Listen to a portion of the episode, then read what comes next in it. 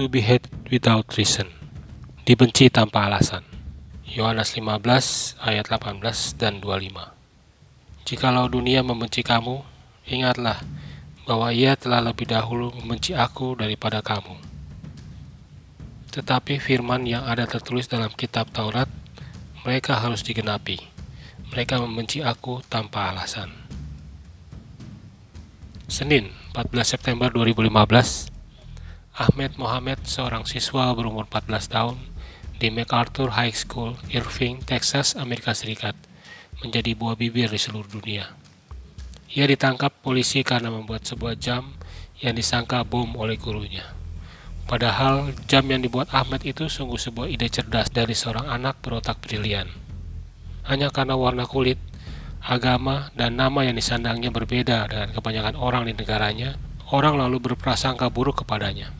Simpati dari seluruh dunia mengalir kepadanya. Sejumlah nama besar menyampaikan dukungan mereka. Presiden Barack Obama secara pribadi mengundang Ahmed datang ke Gedung Putih. Badan Antariksa Amerika Serikat atau NASA juga menyampaikan undangan yang sama. Karena saat ditangkap polisi, Ahmed mengenakan kaos NASA. Bos tertinggi Facebook, Mark Zuckerberg, mengajak Ahmed mampir ke kantornya. Twitter menawarkan kesempatan magang. Google mengundang datang ke acara tahunan mereka, dan MIT, kampus teknik terbaik di Amerika Serikat, bahkan menawarkan kesempatan kuliah kepadanya. Ada satu jenis dosa yang sering kita tidak sadari telah kita perbuat namanya prasangka. Dosa yang satu ini kerap disebut silent killer atau pembunuh diam-diam. Prasangka adalah memberikan penilaian kepada seseorang tanpa memberinya kesempatan untuk menjelaskan. Tanpa sadar, kita sudah mematikan karakter seseorang lewat label yang kita buat kepadanya. Benar-benar sebuah kebencian tanpa alasan. Secara psikologis, manusia punya kecenderungan untuk mendengar sesuatu yang ingin ia dengar. Kemalasan melakukan konfirmasi dan verifikasi membuat kita dengan mudahnya menelan semua informasi yang beredar setiap hari.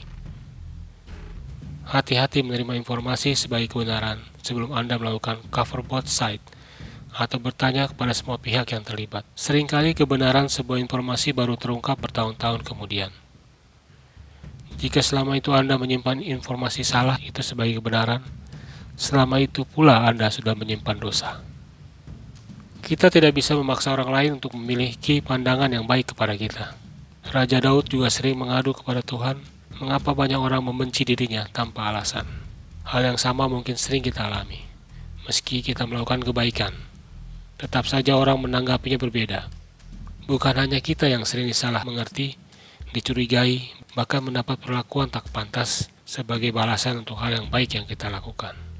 Tuhan Yesus sudah lebih dahulu mengalaminya.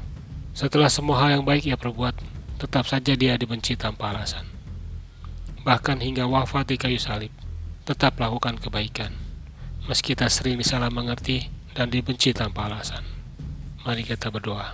Bapa, beriku kekuatan untuk menerima pandangan orang lain terhadap diriku, dan beriku kemampuan untuk berbuat baik.